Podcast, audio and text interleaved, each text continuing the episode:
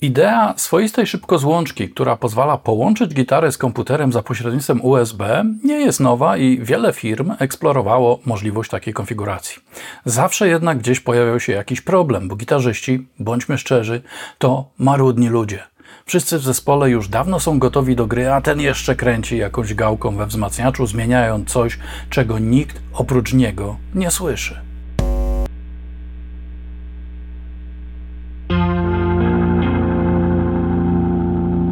Tomasz Wróblewski z RODB.pl. Co tydzień znajdziesz tu nowe testy, prezentacje i porady z zakresu produkcji muzycznej i pro audio, a także felietony bez kompresji i dekonstrukcje znanych utworów. Dawno nie było u mnie niczego gitarowego, więc z dziką rozkoszą skorzystałem z możliwości sprawdzenia najnowszego produktu Apogee, jakim jest Jam X. Zapraszam.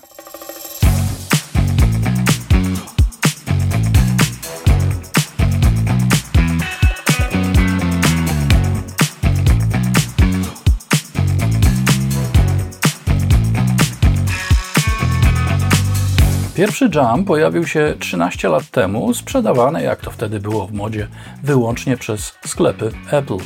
Apogee trzymało wtedy sztamę z Apple i brzydziło się produkowaniem czegokolwiek na cokolwiek innego niż OS X lub iOS. No wiecie, ekskluzywność, elitarność i tego typu rzeczy. A że sprzęt był produkowany w USA, firma Apogee nie obrażała swoich klientów niską ceną. Przez ten czas na świecie zmieniło się wystarczająco dużo, by gruntownie przemyśleć swój sposób prowadzenia biznesu. I Jam w którymś momencie zaczął być przyjazny także dla Windows.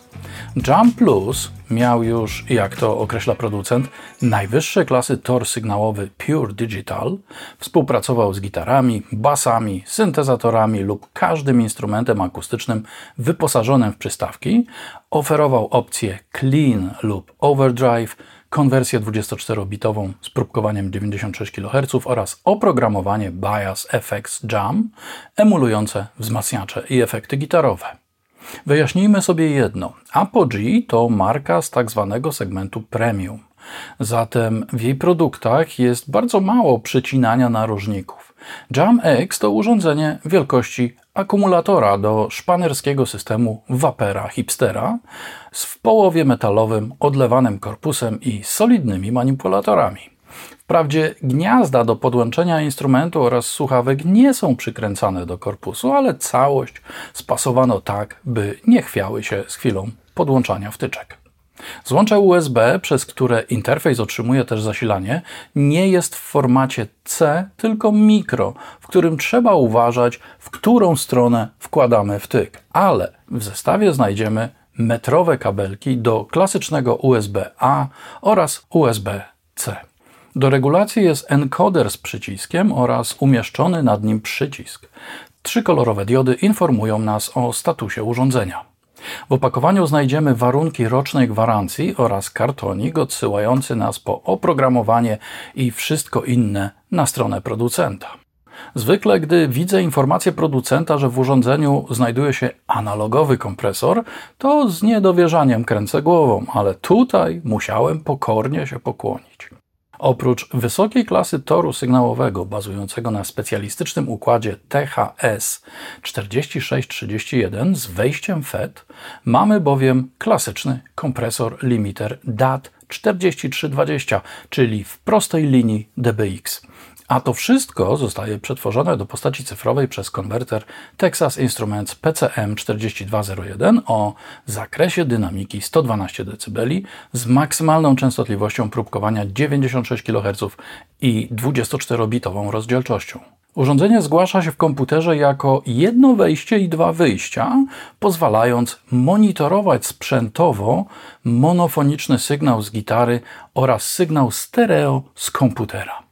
Za konwersję z postaci cyfrowej do analogowej, czyli za to, co słyszymy w słuchawkach, odpowiada ESS ES9010, oferujący 116 dB zakresu dynamiki, próbkowanie 96 kHz i 24-bitową rozdzielczość.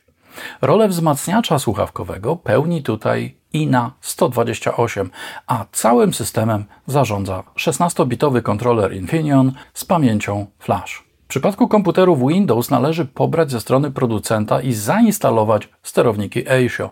W przypadku OS X nie są potrzebne żadne działania. Interfejs od razu jest rozpoznawany przez system.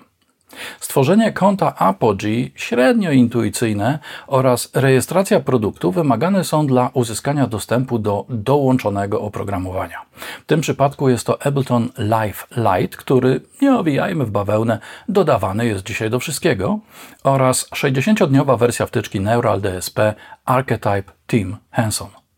W przeciwieństwie do testowanego niedawno Apogee Boom, Jam X nie ma żadnej aplikacji sterującej. Aby urządzenie w ogóle zaczęło działać, musi być zobaczone przez jakąś aplikację audio.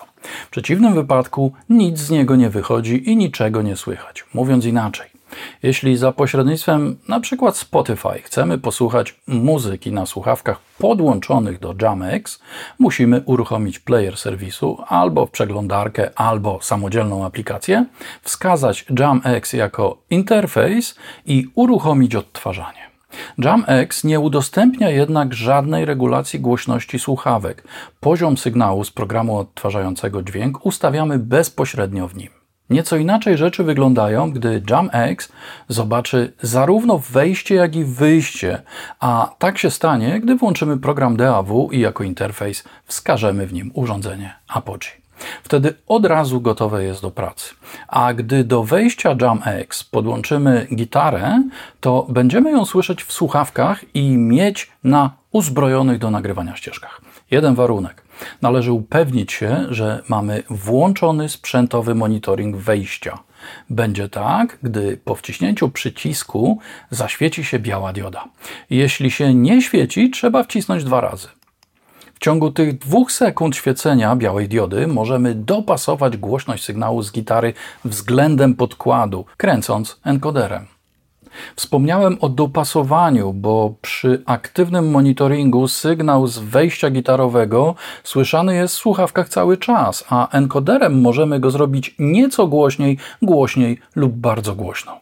Regulacji poziomu sygnału podkładu z komputera nie ma natomiast żadnej.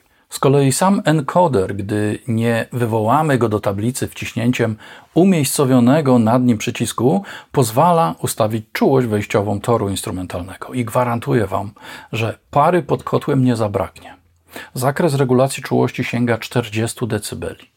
Po stronie odsłuchu moc jest z nami, nawet gdy używamy tak mało efektywnych słuchawek jak HD600.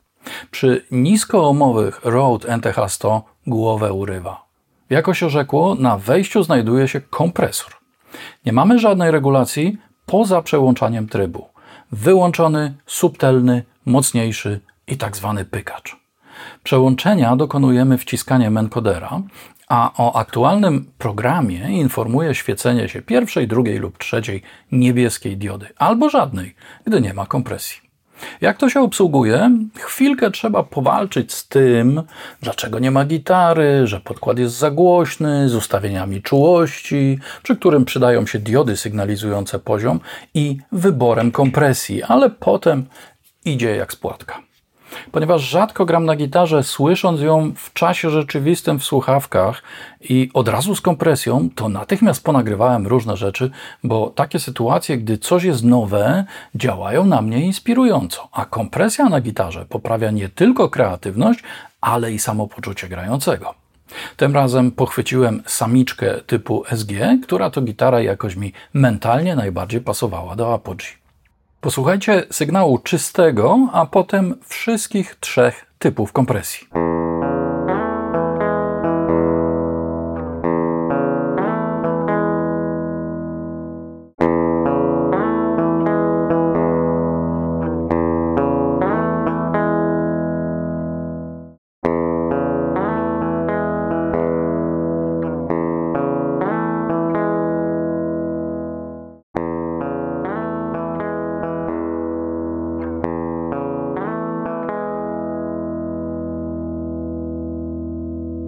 Tor sygnałowy został tu zrobiony na podobieństwo wejść w klasycznych wzmacniaczach gitarowych plus kompresor, dlatego nie spodziewajmy się idealnie liniowego, pozbawionego zniekształceń przetwarzania. Poziomu wejściowego cały czas pilnuje działający w tle limiter, nie pozwalając przesterować wejścia. Kompresja jest głęboka i mało litościwa, co widać zwłaszcza w przypadku trzeciego trybu jej pracy. Nie użyłbym JamX jako interfejsu do pomiarów, ale do gitary jest znakomity. Posłuchajcie podłączonego do wejścia akustyka z mikrofonowo-ceramicznym systemem Bucks.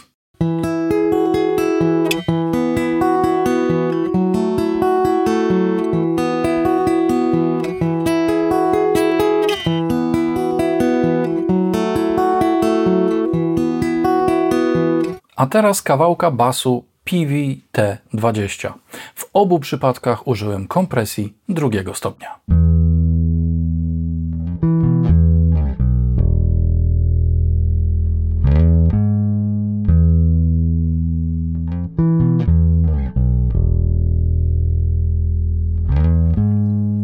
Przejście z programu z którym współpracuje JamX do jakiegoś innego, nie współpracującego z interfejsem, wyłącza driver i synchronizację. Gdy wracamy do programu audio, musi minąć trochę czasu, aż wszystko się ustabilizuje. Nie jestem pewien, czy mi się to podoba, bo znacząco utrudnia na przykład nagrywanie sygnału z innych programów za pośrednictwem JamX. A tak właśnie zrobiłem, przepuszczając przez niego bębny z sampli. Brzmiały tak, a brzmią tak, tak, tak lub tak. Wszystko zależy od wybranej kompresji poziomu wejściowego. Jak wspomniałem, interfejsu praktycznie nie sposób przesterować, więc można użyć go na przykład do analogowego zmiażdżenia dynamiki sygnału mono i jest to bardzo dobra koncepcja. Poziom szumów własnych urządzenia będzie zależeć od wybranego trybu kompresji i ustawionej czułości. Przy wyłączonej kompresji i regulacji czułości na minimum jest to minus 105 dBFS, a przy czułości na maksimum 4 dB głośniej. Poziom szumów w trzecim trybie kompresji i czułości na maksimum to minus 82 dBFS. Wciąż całkiem nieźle, choć szumy stają się słyszalne wraz z pojawieniem się sygnału. JamX jest stworzony dla gitarzystów i wszystkich, którzy chcą nagrywać sygnał z instrumentów wyposażonych w przystawki albo na przykład z maszyny perkusyjnej czy syntezatora, pamiętając o tym, że nagranie będzie monofoniczne. Niemniej 24-bitowa konwersja, pozwalająca uniknąć aliasingu, próbkowanie 96 kHz i częstotliwość przenoszenia mocno przekraczająca 20 kHz pozwolą zarejestrować sygnał z profesjonalną jakością, choć i to jest chyba największa zaleta tego urządzenia, podbarwiony kompresją i harmonicznymi uzyskiwanymi na drodze całkowicie analogowej. Wszystko, co usłyszycie w tym muzycznym fikołku, zostało zarejestrowane z użyciem JamX. Gitary elektryczne, bas, gitara akustyczna i bębny, które przepuściłem z samplera przez interfejs Apogee, dodając kompresji i nasycenia w samym interfejsie. Nie użyłem tutaj żadnej korekcji ani kompresji, to surówka z interfejsu.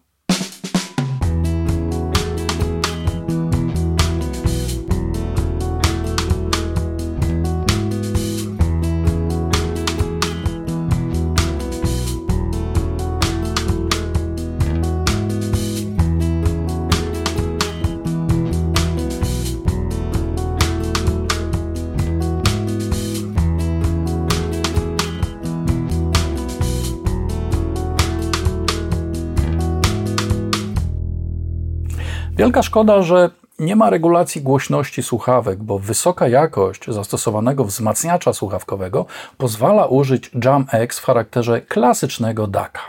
No cóż, optymalny poziom trzeba będzie ustawić w aplikacji odtwarzającej dźwięk.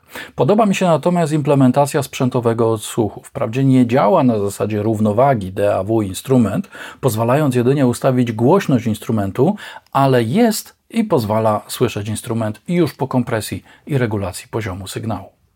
Nie można zapominać, że JamX współpracuje także z urządzeniami iOS, pozwalając nagrywać gitarę dosłownie wszędzie. Odpowiedni kabel połączeniowy trzeba jednak kupić oddzielnie.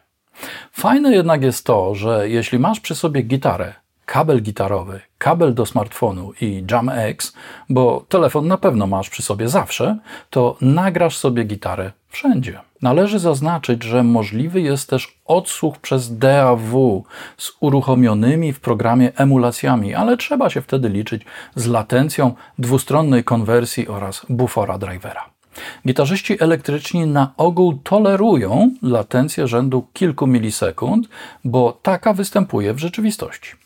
Prędkość rozchodzenia się dźwięku to 340 metrów na sekundę. W ciągu 1 milisekundy dźwięk pokona dystans 34 cm. Sygnał ze wzmacniacza stojącego 3,4 metra od nas dotrze do uszu gitarzysty po 10 milisekundach od uderzenia w strunę.